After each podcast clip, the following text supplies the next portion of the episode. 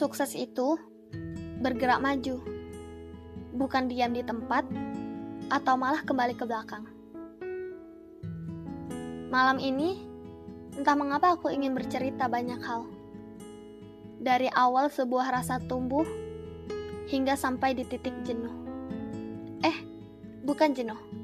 Lebih tepatnya, lelah.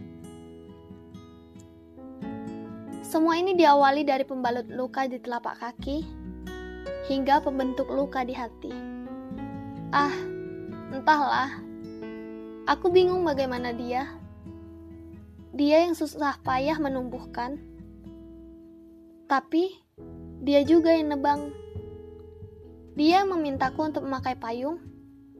Tapi malah dia bermain hujan.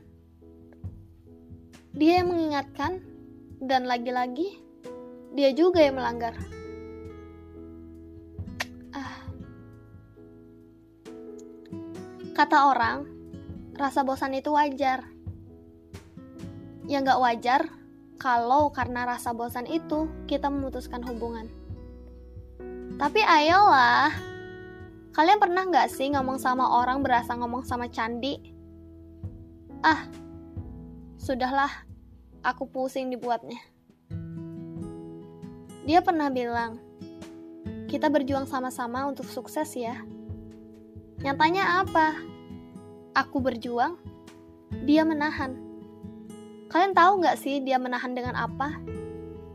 Dia menahan dengan kalimat, Sudahlah aku nggak sanggup, tinggalin aku, aku nggak pantas untukmu. What? Kerasa nggak sih sebelnya di saat kalian jaga hati karena iming-iming ingin berjuang bersama sampai sukses?